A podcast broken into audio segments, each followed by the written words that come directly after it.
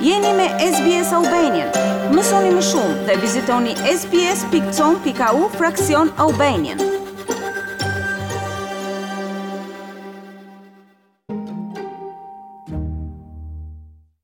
Qeveria shqiptare ka dhënë dritën jeshile për anëtarësimin në NATO të Finlandës dhe Suedisë pas shprehjes së interesit nga këto dy vende, duke marrë shkas nga lufta e Rusisë në Ukrainë.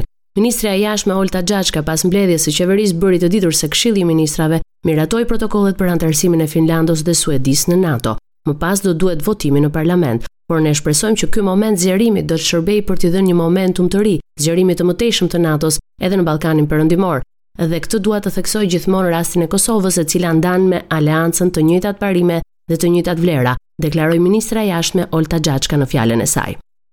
Socialistët mbeten të vendosur për të mos propozuar asnjë kandidaturë për president brenda raundit të tretë, por ndërkohë që mbeten të hapur të vazhdojnë negociatat e nisura me demokratët, i kujtojnë atyre se formula e propozuar nuk do të merret parasysh, pasi i jep opozitës presidentin në tavolinë, çka ata nuk janë aspak të gatshëm ta bëjnë, Taulant Balla pohon se po vazhdojnë komunikimet me dy grupet e tjera parlamentare të opozitës, edhe pse vetë pranon se ata nuk kanë vota për të mbështetur me firma një kandidat presidencial. Por votat e tyre mund të duhen edhe për raundin e katërt, kur presidenti votohet me 71 vota, por në çdo rast do ishte një president që nuk është mbështetur vetëm nga socialistët dhe këta të fundit mund ta cilësonin dhe si president konsensual.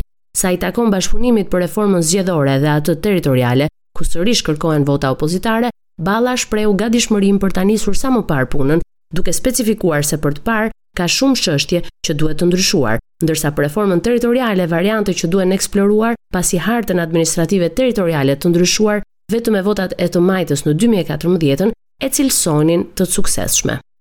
Kreu i Partisë Demokratike dhe ish-kryeministri i vendit Sali Berisha në një deklaratë nga selia e Partisë Demokratike ka dënuar pikëpamjet e kryeministrit Rama sa i takon votimit të emigrantëve shqiptarë, që sipas Berishës janë shprehur nëpërmjet Alibejait për një zonë të veçantë për emigracionin.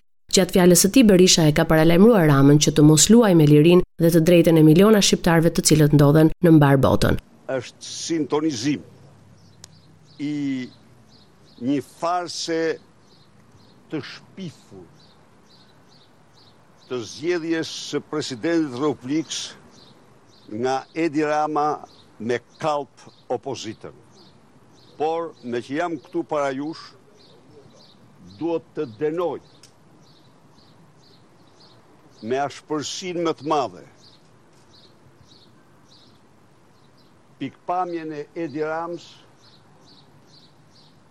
të konsiderimit të emigracionit dhe diasporës si një zonë e veçantë elektorale. E paralajmëroj këtu, mos të luajë me liritë dhe të drejtën e miliona shqiptarve që janë sot në të katër anët e botës. Ata do ushtrojnë të drejtën e votës tyre në qytetë për kandidatët e qyteteve apo zonave të tyre të origjinës. Sot teknologjia online e bën këtë qind për qind të mundshme. Çdo përpjekje që shprehu nëpërmjet Edi të Edi Ramës, që shprehu nëpërmjet veglës së tij Ali Bej për një zonë të veçantë për emigracionin, është një përpjekje e mirëfillt antidemokratike, antishqiptare, është një fyerje e madhe që u bëhet emigrantëve dhe diasporës shqiptare në të katër anët e dheut, do të hasë kjo në një rezistencë mbarëkombëtare.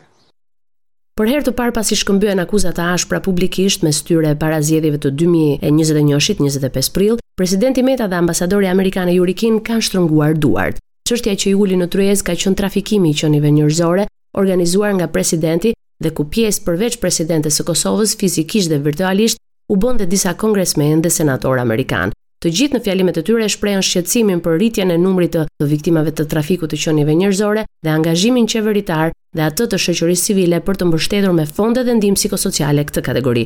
Meta iu përgjigj edhe interesit të gazetarëve për procesin e zgjedhjes së paraardhësit të tij në kostumin kushtetues të presidentit mbi palët ai u përgjigj shkurt. Të njëjtin qëndrim të prerë mbajti edhe kur u pyet për një aleancë opozitare të mundshme me Sali Berishën, pasi të lërë detyrën e presidentit. Shqiptarët janë opozita e vërtetë e këtij vendi që e kanë nevojë të bashkohen, ka thënë Meta në fjalën e tij. Kryeministri i vendit Edi Rama për të shmangur përkthimin e keq iu desh të shkelte protokollin, duke folur në anglisht gjatë ceremonisë së dhënies së medaljes Yll i Madh i Mirënjohjes Publike, komandantit të Komandës Operacionale të NATO-s, gjeneral Tod Daniel Wolters. Momentin e dekorimit, ai e cilësoi privilegj duke e cilësuar gjeneralin Walters avokatin më të mirë të Shqipërisë në arenën ndërkombëtare.